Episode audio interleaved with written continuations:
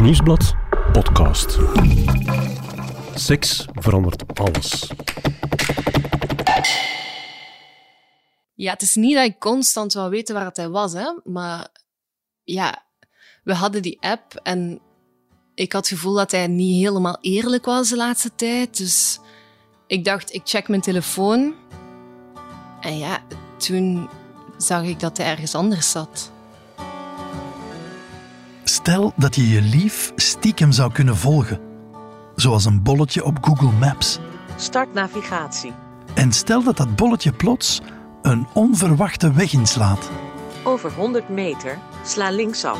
en telkens weer naar hetzelfde vreemde adres gaat. Bestemming bereikt. Wat doe je dan? Ik ben Johan Terrein en deze podcast gaat over seks. Over dit, maar vooral ook over dit. Over hoe je seks beleeft in je hoofd. Uiteindelijk kan alleen jij dat weten. En dat maakt het net zo fascinerend. Eigenlijk is seks een spiegel die van alles vertelt over jezelf en je relaties. En de vrouw die ons die spiegel voorhoudt is relatietherapeute Rika Ponet. Zij neemt ons mee naar haar praktijk Kom binnen. waar ze de meest intieme dingen hoort. En na al die jaren is er voor Rika één rode draad die door al die verhalen loopt. De mens zingt het, seks verandert alles, maar dat is uiteraard ook zo. hè. Seks verandert alles. Om niet uit het bed te praten, geeft ze deze echte mensen uit haar praktijk een andere naam en een andere stem. Dag Rika, we zijn terug Ja, en blij. en blij. Aflevering 1, seizoen 2. Ja. En seks, ja, daar raken we niet over uitgebabbeld. hè. Nee, en dat heeft de eerste reeks ook aangetoond, denk ik. Heb je veel reacties gekregen? Ja, toch wel. We hadden ook toch behoorlijk wat luisteraars. En soms eh, op straat aangesproken worden door mensen die daar een bepaald inzicht rond verworven hadden. Ja, en heel fijn om vast te stellen dat er wordt uiteraard heel veel over seks gepraat vandaag, heel veel over seks geschreven. Maar dat er vooral gewaardeerd werd dat er ehm, ja, vanuit dat meer relationele naar seksualiteit werd gekeken. Dus dat je het verhaal aan de oppervlakte hebt en wat daaronder zit dat dat een heel ander verhaal kan zijn. En, ehm, Dat is het ja, boeiende, hè? En dat is hetgeen waar wij mee bezig zijn. Dat heb ik ook Ja. onthouden het vorig seizoen, hoe opvallend anders seksualiteit beleefd wordt door... Ja. Je denkt uit je eigen ervaring dat je het wel weet, maar, maar eigenlijk Ja, is het heel individueel. En heb je ook nog eens de dynamiek van een koppel. ja, dat wordt wel vaker gezegd, maar eh, de realiteit overtreft ook altijd de fictie. Het is ook de reden waarom ik mijn werk nog altijd zo graag doe. Dat is omdat je toch telkens weer ziet dat mensen in hun leven wegen zoeken, ook op dit terrein, die soms heel verrassend zijn. Ik ben benieuwd, waar gaan we het vandaag over hebben? Vandaag gaan we het hebben over de Tracing App. Oké, ik voel al wat trillingen over mijn rug lopen. Dat eh. zegt alles over jou, Johan. Ja. ja. Elisa is 33 en heeft al drie jaar een relatie met Ben. Ze hebben allebei een druk leven. Zij heeft een goed draaiende broodjeszaak, hij is vertegenwoordiger in de IMO-sector en heeft veel onregelmatige uren. Ze installeerden ooit een tracing-app op hun smartphone, zodat ze elkaar altijd kunnen terugvinden in deze hectische wereld. Dat is makkelijker dan al die berichtjes en al dat bellen. Elke vrijdag hebben ze date night. Een momentje met hun twee op café of restaurant om de week door te spoelen. Maar op een keer laat Ben weten dat hij er niet geraakt. En hoewel de tracing-app doorheen de tijd toch wat in onbruik was geraakt, kan Elisa het die avond niet laten. Ze checkt de app nog even. En dan ziet ze dat Ben helemaal niet in het café zit dat hij aangeeft. Het bolletje kleurt blauw in een andere stad. Dus Elisa komt bij jou ja. alleen. Wat voor soort vrouw is ze? Elisa is een jonge vrouw, vooraan in de dertig. En zij heeft sinds een aantal jaar een relatie met Ben. Zij hebben allebei een hele drukke job. Zij heeft een eigen zaak en hij werkt in de IMO-sector, is dus ook heel veel op heel onregelmatige uren bezig. En aanvankelijk hebben ze die app geïnstalleerd omdat ze het zo druk hebben en ze dat wel handig vinden als ehm, ja, de ene al naar huis gaat, uh, dat die dan kan zien waar de andere nog zit en uh, je dan niet de hele tijd moet bellen of appen, maar dan automatisch kan zien, ah bon, hij is onderweg, ik kan aan het eten beginnen. Zorgen Of, dat eh, de patatjes op tijd klaar zijn. Voilà, zoiets. Ze hebben dat in een hele drukke periode gedaan en dan na een tijdje zijn ze ook gestopt met dat te gebruiken. Maar die stond nog wel op hun beider telefoon geïnstalleerd. Dus als een van beiden dat wou, kon die eigenlijk nog kijken waar de ander op dat moment zat of was. Ja. Ja. En dan gebeurt er iets waardoor ze nog eens terug op die app, App gaat. gaat checken ja.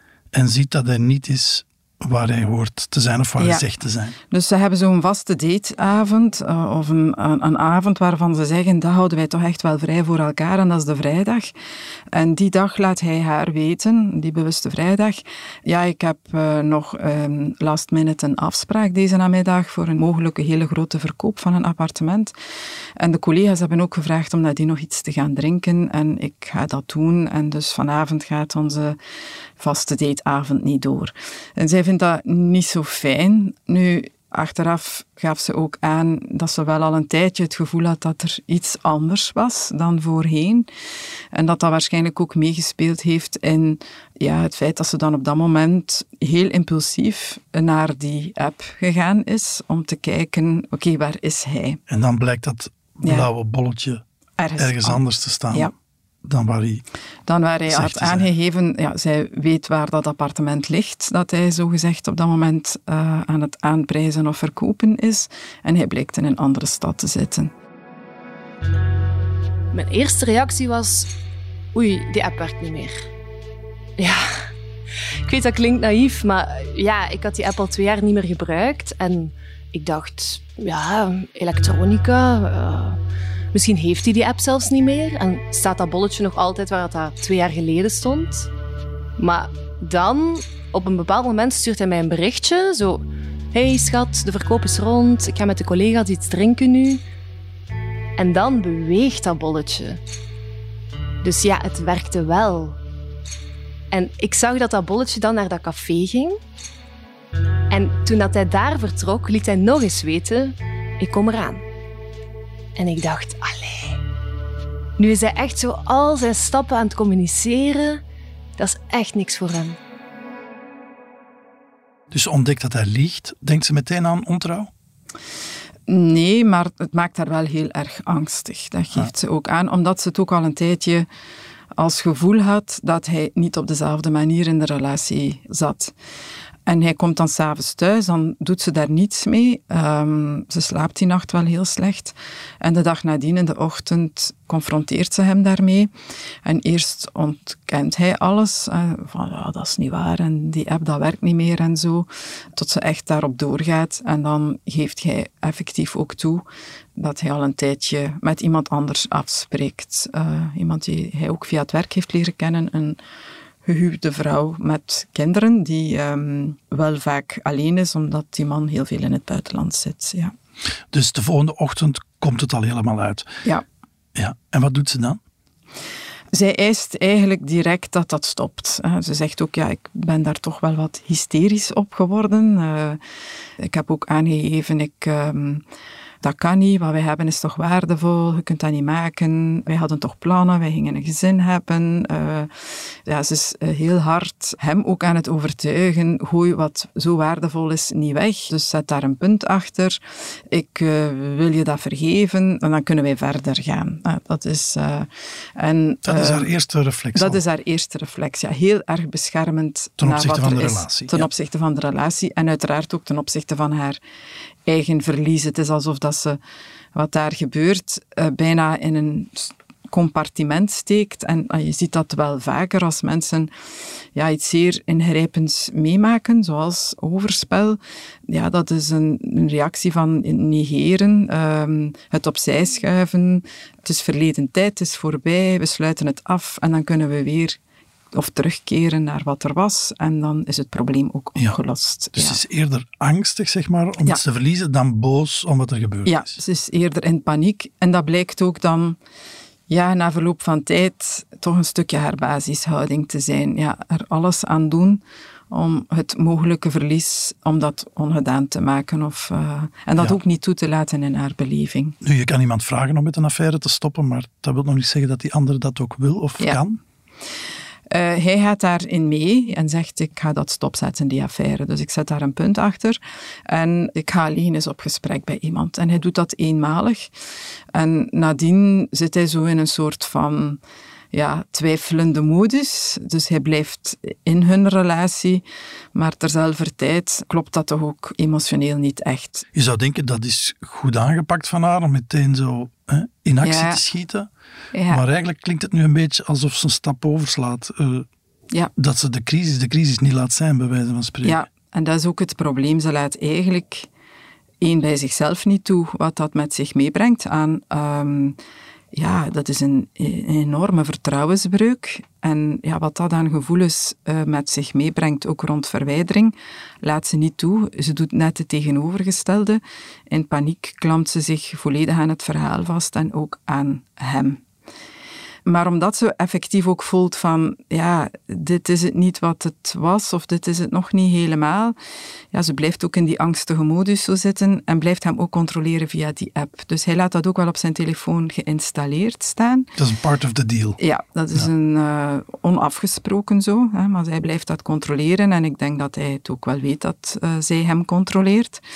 En op een bepaald moment, en dat is dan vrij cruciaal in dat verhaal, ja, heeft ze een vermoeden dat hij ofwel een tweede mobiele telefoon heeft, ofwel zijn telefoon ergens achterlaat en ja, dan toch iets anders doet. En Ja. dat is ook wat dan blijkt. Dus op een bepaald moment neemt ze haar auto, volgt ze hem ook effectief.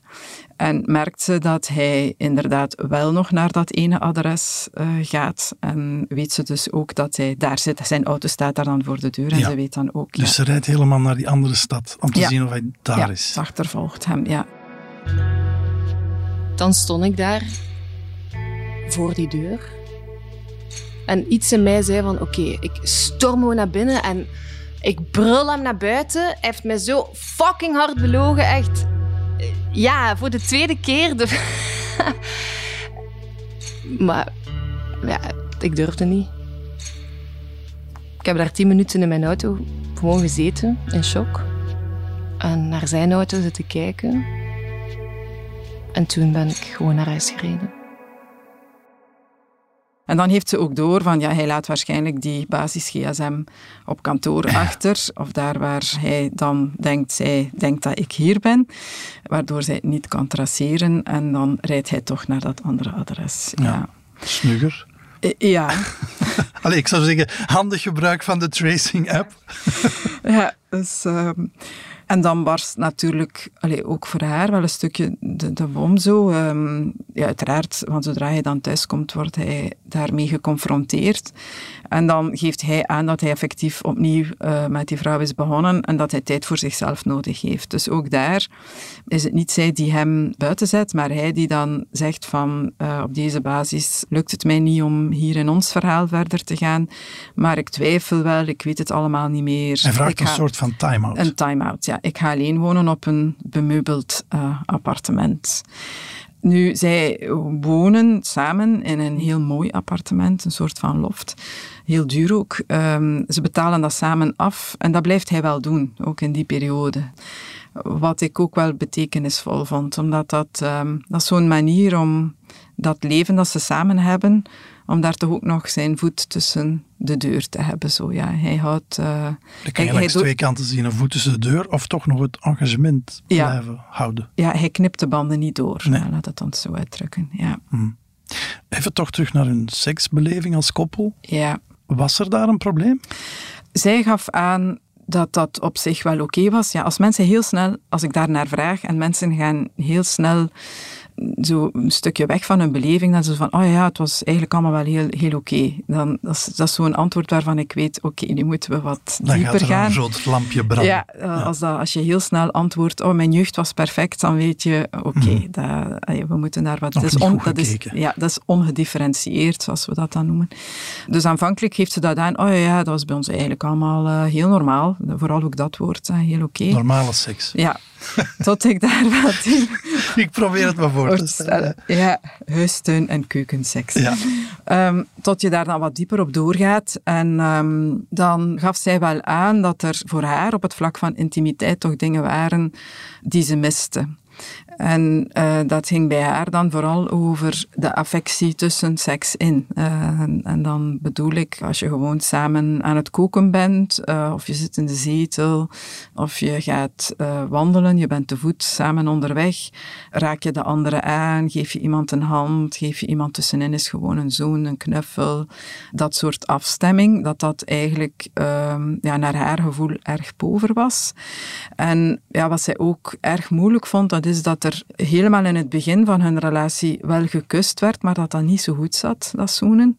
En dat dat eigenlijk ook vrij snel gestopt is. Dus dat, er, ja, dat hij niet graag zoent. En hij geeft aan, ja, het heeft niets met jou te maken, het is niet dat dat slecht is, maar ik doe dat gewoon niet graag. En, hmm. uh, maar zij mist dat wel, ja, voor haar. Dus er is weinig affectie, weinig basisintimiteit. Ja, inderdaad. Maar de seks op zich, puur technisch gesproken dan... dat werkt allemaal. Dat werkte allemaal. En uh, ja, zegt ze, ja, ik, ik heb eh, ook orgasmes en hij zorgt daar ook voor. Maar ja, die affectie, die intimiteit of die diepte aan intimiteit, die, die is er niet en die mis ik eigenlijk wel. En heb je een idee wat Ben mist dan op dat vlak? Ja, ik heb Ben natuurlijk nooit gesproken. Nu, uit dat verhaal kwam toch naar voren dat, dat er op dat vlak in die relatie iets is wat niet goed werkt. En dan uh, nogal veel functionaliteit. Ik denk dat dat twee mensen waren die, of zijn, die een stukje voor elkaar gevallen zijn vanuit hun beider levensverhaal. Wij hebben dezelfde toekomstvisie. Um, ja, ik werk heel hard. Uh, ze zien er ook allebei heel goed uit. Ja, zo, uh, zo veel meer vanuit dat gegeven. Een keuze een beetje vanuit het hoofd. Uh, dat is een geschikte partner voor mij. Dat is een vrouw waarmee ik buiten kan komen. Ik, het woord representatief komt dan altijd bij mij op. En vaak zeggen mensen dat ook zo. Ja, ik vind het wel belangrijk dat mijn partner ook representatief is. Dat is ja. ja. Want dat brengt dan ons terug bij het verhaal. Ben zit op dit moment uh, wat te twijfelen in een ander appartement. Ja. Maar ze komen toch terug samen of ze onderhouden wel het contact. Ja, dus ze hebben nog dat gemeenschappelijke appartement. En op een bepaald moment, ze zijn dan denk ik een maand of acht verder. Ja, ze heeft met vriendinnen uh, ook uh, regelmatig gesprekken daarover, ook met thuis. En uh, die zeggen van ja, stop daar nu toch eens mee, blijf daar niet in hangen, die houdt je aan het lijntje. En op een bepaald moment laat zij hem dan weten, kijk, ik wil echt verder met mijn leven. Um, ik denk dat we ja, hier nu lang genoeg in hangen. En ik wil dat appartement op mijn naam, dus ik zou graag hebben dat we daarvoor naar de notaris gaan en dat we kijken wat er mogelijk is. En dan ineens, uh, van zodra ze dat als boodschap stuurt via een vriendelijke mail, um, schiet hij op de een of andere manier in actie en begint hij weer vaker berichten te sturen, aan te sturen ook op afspreken. Kunnen we toch nog eens samen gaan eten? Um, en ja, het lijkt alsof dat ze opnieuw gaan daten, hè, alsof dat, dat opnieuw een startende relatie is. En ze belanden dan uiteindelijk ook weer samen in bed. En hebben dan vanaf dan een soort van latrelatie. Ja, waarin dat zij opnieuw ja, toch een stuk hard probeert om daar weer een volwaardig verhaal van te maken maar voelt vooral in die seksualiteit dat dat blokkeert, dat dat bij haar blokkeert. Dat ze daar verdrietig van wordt. Dat ze daar verdrietig van wordt, ja. En dat is eigenlijk het moment dat ze bij jou komt. En dat is het moment dat ze bij mij komt, ja. You and me, we made the vow For better or for worse I can't believe you let me down the bruise and the way it hurts. For months on end, I've had my doubts, denying every tear. I wish this would be over now, but I know that I still need you here.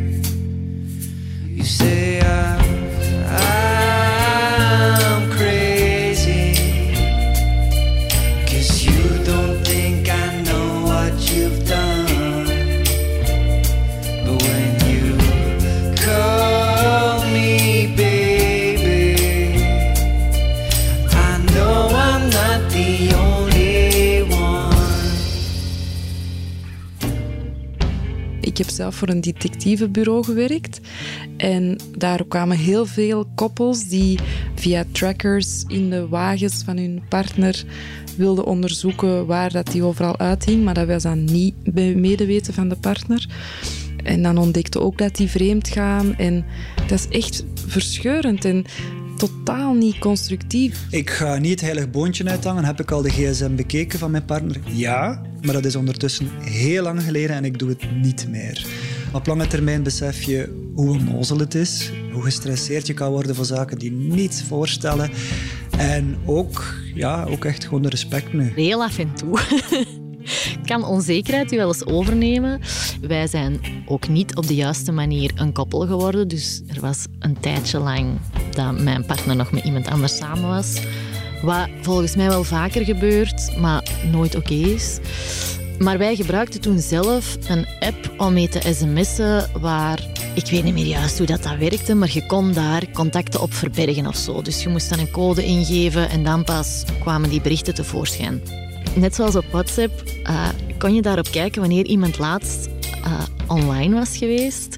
En ik heb mij er zelf ooit wel op betrapt bekentenis, sorry lief van mij, dat ik uh, later in onze relatie, toen, toen alles official was voor ons, uh, wel eens ben gaan kijken of die toevallig nog op die app was geweest. En dan moet ik wel bekennen, ik was wel opgelucht dat daarop stond lang geleden. Mijn tracing app is na twee dagen verwijderd. Nee, ik heel goed gesprek had met mijn vrouw zodat ze ook weet dat ik effectief wel te vertrouwen ben. Dat ik effectief ook niks weg te steken heb. Ik vind dat heel veel gevoel om te weten dat iemand anders constant weet waar ik ben. Nee, dat, was een no-go. En omgekeerd ook, hè. Ik, ik had het er ook wel bij vertellen. Ik was ook om een duur aan het kijken. Hè. Het kweekt echt wel dat wantrouwen. Nu dus dat met een app. Vroeger was dat met me, ik, ik had zo'n lief. En dat was een Italiaan.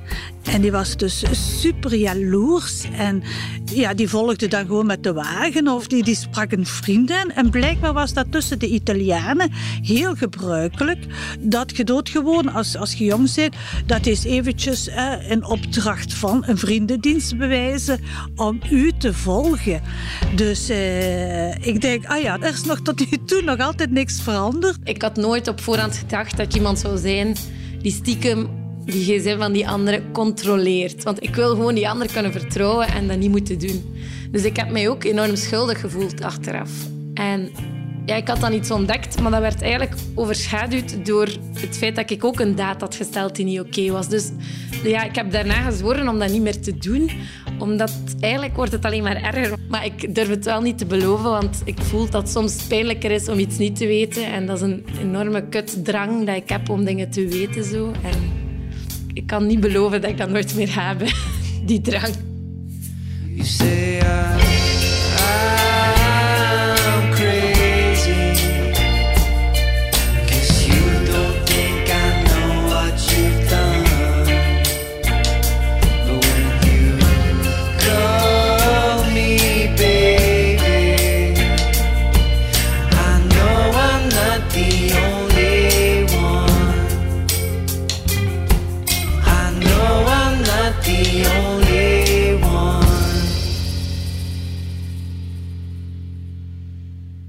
Is dus eigenlijk een beetje teruggeswitcht hè, van het plan notaris naar het plan grote reddingsactie. Uh, ja, dus naar het plan Ben. Uh, ja. Of naar het plan Wij Samen. Wat er altijd wel nog een stuk geweest was hoor. Ik denk dat zij vooral dat appartement en de verwerving van dat appartement, dat dat ook een beetje onder druk van de omgeving was. Um, en misschien ook een stuk vanuit de hoop, nu zal hij alsnog reageren. En ja, je ziet dat wel vaker in relaties, hè, dat soort van dynamiek. Uh, van zodra degene die aanklampt zich terugtrekt, uh, zal degene die zich teruggetrokken had opnieuw gaan aanklampen. Mm. En dat is een beetje wat... Um, een heen en weer gedoe. Een heen en weer gedoe wat in deze relatie dan op dat moment gebeurde. Mm. Maar ze komt bij jou omdat ze merkt, na de seks, dat ze droevig is, dat ze weent. Ja, dat ze weent.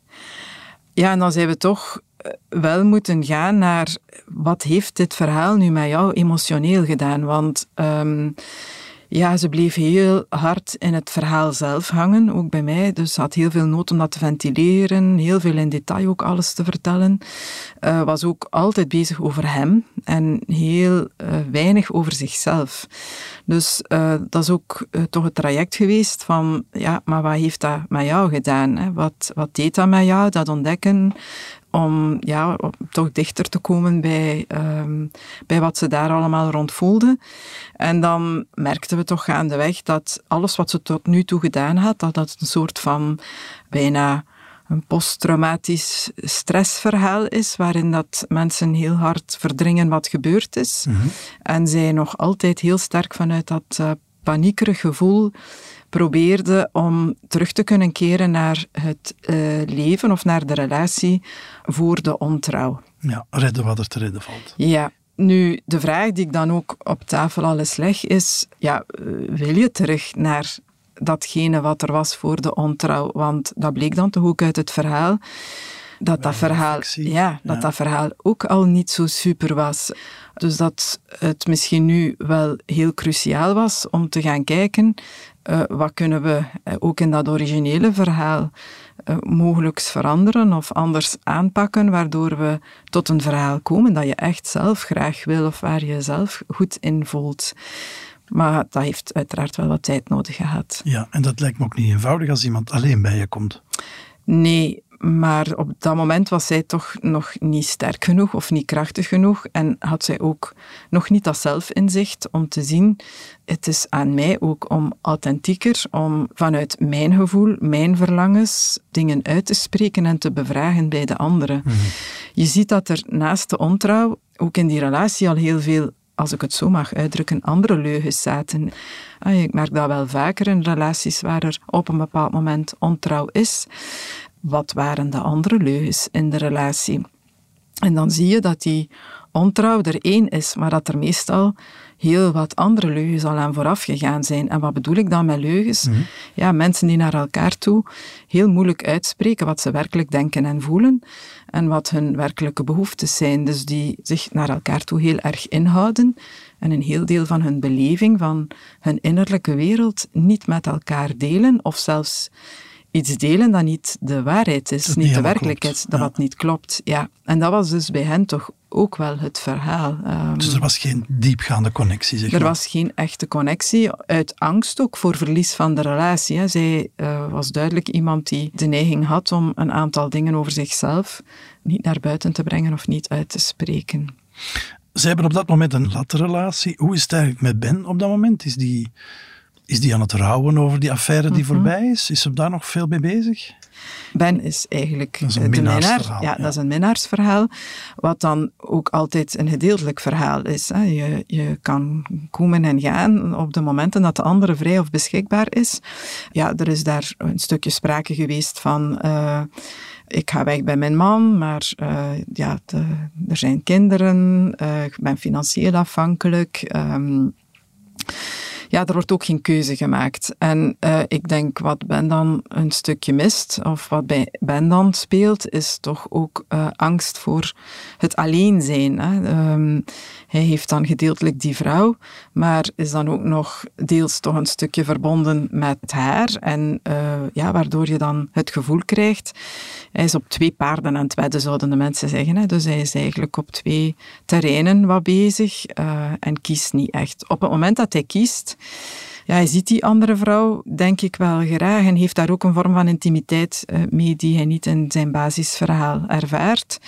En dan merk je toch dat dat ook een vorm van rouw met zich meebrengt. Hè? Want het is niet voor niets dat je daarvoor gevallen bent. Vaak gaat dat uh, over heel intense uh, gevoelens, omdat dat een gemis is dat soms al een tijdje leeft in je vaste relatie.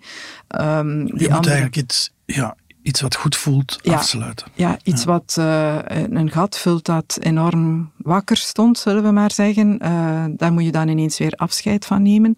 En dat is niet zo eenvoudig. En je moet dan vooral ook terugkeren naar een basisverhaal waar je ja, je al niet zo heel goed in voelde, want anders begin je niet aan dat tweede verhaal. En daar moet je dan zogezegd gaan aan werken. Hè. Dat is, uh, dus dat brengt toch ook altijd wel een vorm van rouw met zich mee.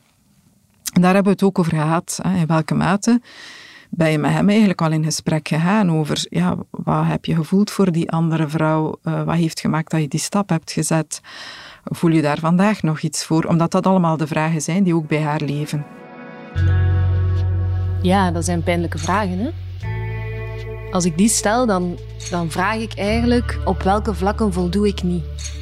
Waar faal ik in? Waarom gaat je dit op een ander zoeken?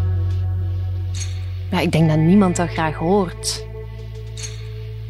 Ergens kan ik dat ook wel wat raden, maar ja, het is wel echt nog iets anders om dat letterlijk uit de mond van uw lief te horen.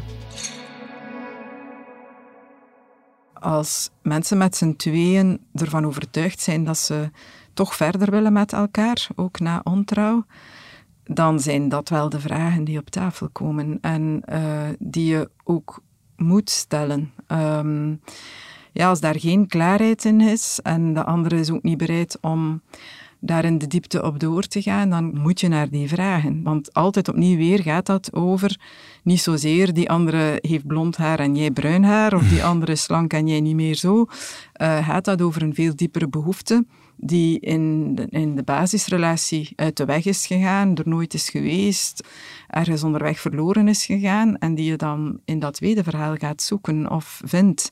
En dat waren dan de dingen die na de seks haar ook deden wenen, denk ik. Ja, hoe, hoe was het daar dan, hè, seksueel? En dat gaat er dan niet over van, ja, ik wil in detail weten uh, elk standje of elk uh, gevoel dat je daarbij gehad hebt, maar wel wat voor haar bijvoorbeeld heel fundamenteel was zoen je bijvoorbeeld intiem met haar. Hè? Mhm. Eh, omdat dat bijna iets symbolisch was voor haar, voor de mate van intimiteit in hun contact. En is die waarheid naar boven gekomen? Zoende uh, Ben hartstochtelijk met zijn zijpad? Um, ja, ze heeft dat effectief gevraagd. En wat ze ook aangaf was, ik mis toch intimiteit. Ze heeft die behoeftes ook uitgesproken. En zijn reactie daarop, want dat was het dan eigenlijk, niet zozeer ik ga dat we proberen of we gaan dat proberen, maar meer, ah, als jij daar behoefte aan hebt, als je het zegt, ah, dan wil ik dat wel doen. Ik voelde me daar heel eenzaam door. Dus hij zei eigenlijk, ik wil je wel kussen hoor, maar alleen als je het vraagt. Maar hij heeft daar geen behoefte aan of zo. Ook als wij, als wij samen gaan wandelen, als ik zijn hand vasthoud, dan zegt hij: Ja, voor mij moet dat niet, maar als jij dat wilt. Ja. En dan weet ik dat dat bij zijn minnares anders is. Hij kust daar wel. Hij geeft dat toe. Bij haar heeft hij die behoefte blijkbaar wel. Ja, dat is zeer zoiets.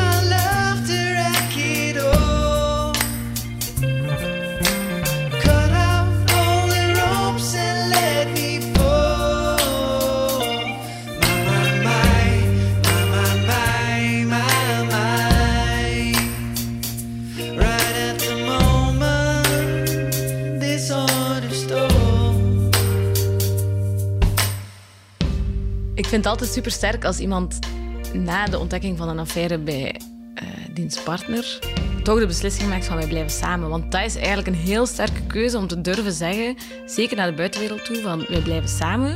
Want er wordt zoveel geoordeeld. Jij wordt plots degene die zo toegeeft. En jij bent eigenlijk de zwakke, terwijl de andere de affaire heeft gehad. Dus als je die beslissing maakt, vind ik dat echt sterk. En dan moet je stevig in je schoenen staan. En is dan teken voor mij dat je wilt werken aan je relatie. En dat vind ik eigenlijk heel schoon. Als je jong zit, dan denk je, oh, mij bedriegen, dan laat ik hem zitten. Hè. Maar toen ik ouder werd, dacht ik in mijn eigen... Allee, als hij mij zou bedriegen, gaat je het dan opgeven?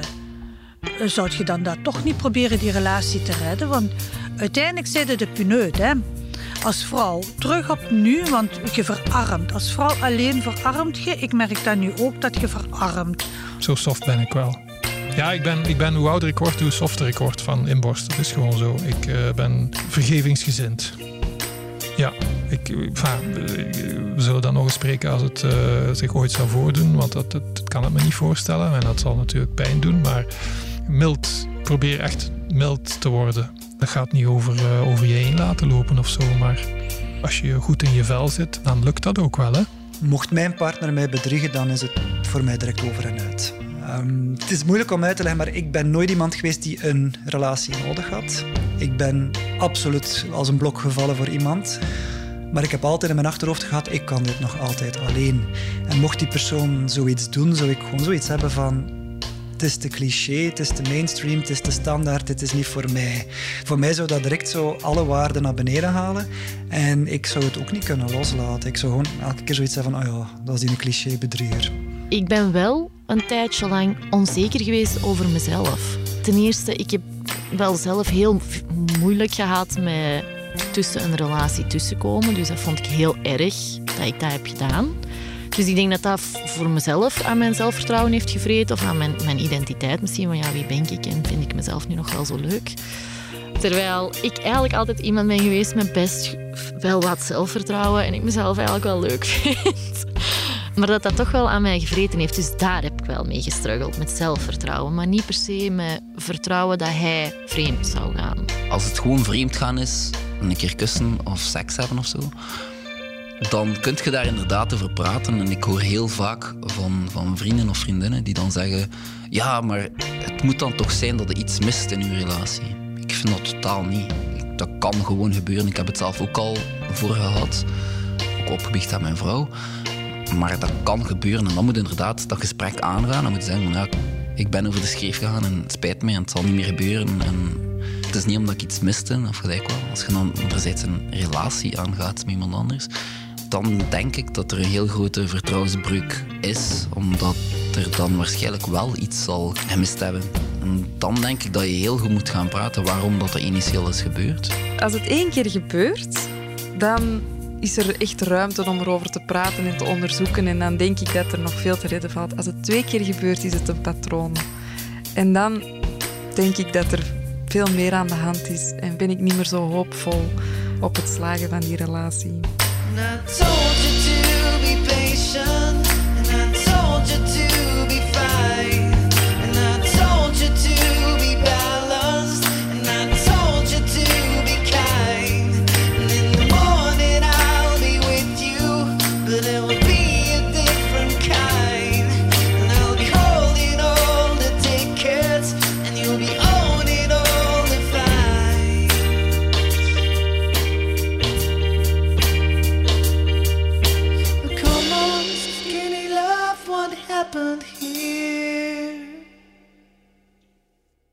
Zei daarnet al, kan ik die man wel vertrouwen?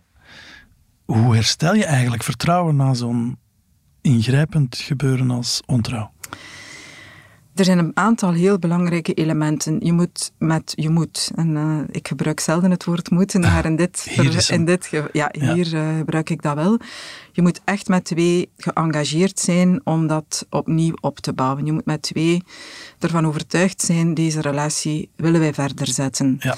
Als dat niet zo is, dan eh, werkt dat niet. Dan heb je geen basis. En dan blijven mensen ook altijd opnieuw weer in dat wantrouwen verzanden.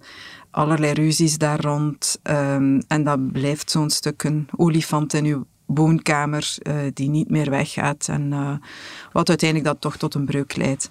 Nu Dus was het is pas een goed idee om zo'n relatie verder te zetten als je voelt dat, dat je het allebei heel graag wil. En, heel graag wil Ja. en ook bereid bent om, om Ja. dat vertrouwen echt te herstellen. En dat is een vorm van werken, hoe dat je het ook draait of keert. Het, eh, daar komen moeilijke, zeer lastige, pijnlijke vragen aan bod. Eh, vaak worden ook voor het eerst dingen besproken die ook voorheen al bepaalden dat de relatiekwaliteit niet zo goed was of niet top was, of het vertrouwen er toch niet echt was. Hij komt wel terug op het moment eh, eh, met dat verhaal rond dat appartement. Maar eigenlijk spreekt hij nergens uit, ja, ik kies opnieuw voor jou. En eh, dat is eigenlijk wat zij ook mankeert. Hè. Ehm, hij heeft op een bepaald moment wel gezegd, ik mis je. Maar gaat veel meer richting, ik mis onze relatie. Hè. Ik mis wat die relatie mij bood. Maar er sprak nergens de boodschap uit: ik wil jou, ik wil met jou verder. Het is jij ehm, die ik centraal in mijn leven wil. En dat maakte haar zo onzeker en maakte eigenlijk ook dat ze zich na seks ook vaak heel eenzaam voelde. Ja. En Dus het was meer, eh, ik mis gezelschap ja, eh, ik mis om niet alleen te zijn. Om niet alleen te Ja. zijn, ja. Dus van dat basisvertrouwen, daar was er eh, nog totaal geen werk gemaakt. En hij nam ook niet zijn aandeel in wat daar gebeurd was ten volle op. Er is een heel grote vertrouwensbreuk. Dat eh, laat hele diepe sporen na. Degene die bedrogen wordt, is altijd opnieuw ook weer ehm, ja, iemand die daardoor door gekwetst wordt. Hè. Dat zie je ook. Dat raakt mensen heel diep. Dat besef moet er zeker aan de andere kant zijn. En dat is daar op geen enkele manier ehm, ooit, eh, ooit gebeurd. Ja, het was alsof dat zij bijna ja, zich verontschuldigde voor het feit dat die affaire er was gekomen. Heel raar, want zij deed ook alle inspanningen. Zij haalde dan na verloop van tijd ook aan, eh, toen ze dan terug begonnen waren. Ja, misschien moeten we toch in therapie gaan en ik zal een therapeut bellen. En ehm, eh, zij was nog altijd heel tegemoetkomend, heel investerend. Terwijl eh, bijvoorbeeld het in therapie gaan, ja, ik vind dat dan een, een zeer goede keuze. Zeker als zoiets gebeurt is dat je wilt echt met z'n tweeën verder, is dat goed van zo'n aantal gesprekken te hebben, omdat dat het ook soms een stuk makkelijker maakt om moeilijke dingen besproken te krijgen.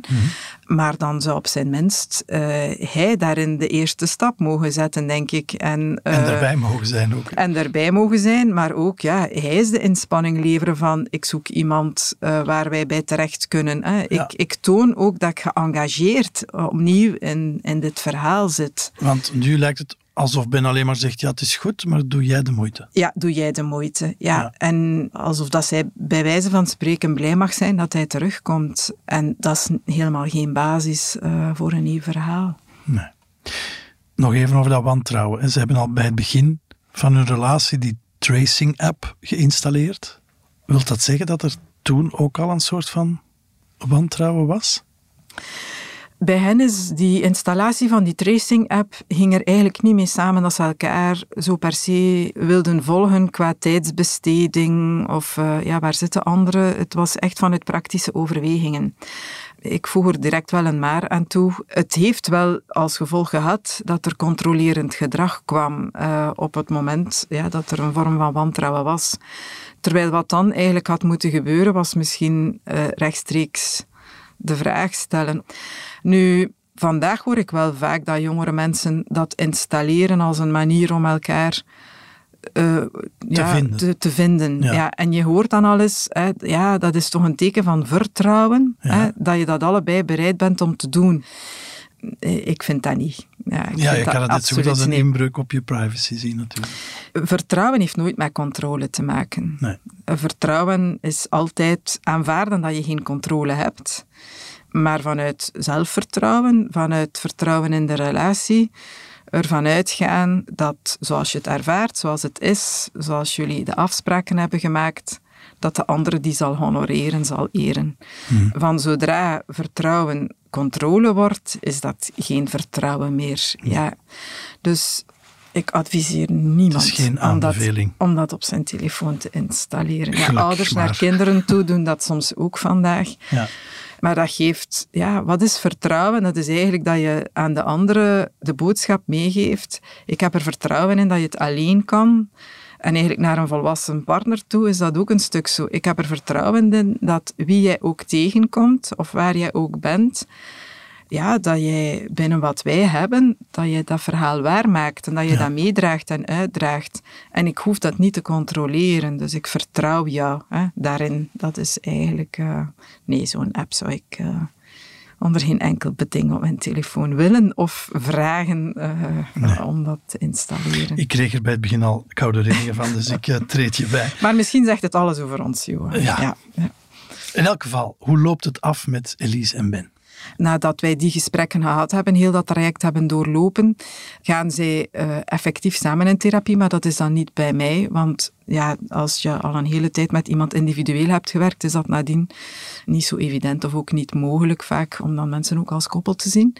En ik heb ze een tijd nadien nog uh, teruggehoord en dat verhaal stopt ook. Dus zij zijn uiteindelijk uit elkaar gegaan, zijn ook maar een paar keer op gesprek geweest bij die therapeuten. Maar ja, zij heeft, uh, die vragen zijn wel allemaal aan bod gekomen en uh, die ook bij mij dan uiteindelijk gesteld geweest zijn. Um, en daaruit is effectief gebleken dat, ja, dat dat weinig basis nog had en dat dat um, vertrouwen uh, opbouwen vooral iets was wat als behoefte bij haar leefde, maar hij van zijn kant uh, daar eigenlijk niet ten volle wou in investeren. Was ook nog niet zo'n lange relatie. Als je dit na drie jaar al aan de hand hebt in een, uh, ja, toch een eerder kort relatieverhaal, is dat al een dermate grote breuklijn dat je de vraag kunt stellen, ja, moeten we dit dan per se willen verder zetten als je ziet wat de aanvankelijke kwaliteit was en wat er dan allemaal al gebeurd is. Zijn er mensen die kiezen voor om zo'n relatie met mindere connectie dan toch maar te bestendigen? Of kom je altijd wel ergens op een punt uit dat je denkt, ja, nee. Er zijn mensen die na ontrouw verder gaan en kiezen voor verdringing. Ja, hmm. Het zo moeilijk vinden om ja, naar die diepere laag te gaan. En uh, ja, ook veel mensen uh, maken ontrouw mee en verdringen sowieso al het gegeven ontrouw. Uh, ik wil ze, zoals ze dat bij ons zeggen, niet te eten geven. Degenen die weten, onbewust of bewust weten, uh, dat hun partner niet trouw is, daar ook afdoende bewijzen voor hebben, maar het nooit ter sprake brengen. Het, uh, het, het niet weten brengt dan een vorm van veiligheid met zich mee die ze verkiezen boven het weten, boven de waarheid. Een soort van veiligheid, dat je verder kan in wat er voor in wat er was. Is, ja, en ja. wat er voor was en wat er is. Hè, dat is maar dat is uh, eigenlijk een beetje leven in een leugen. Leven in een leugen en vaak ook in een zeer eenzame relatie. Ja, maar dat is... Uh, zo zijn er heel veel hoor, ja. Hmm, ik heb het begrepen, we gaan ze niet allemaal te eten geven. Nee.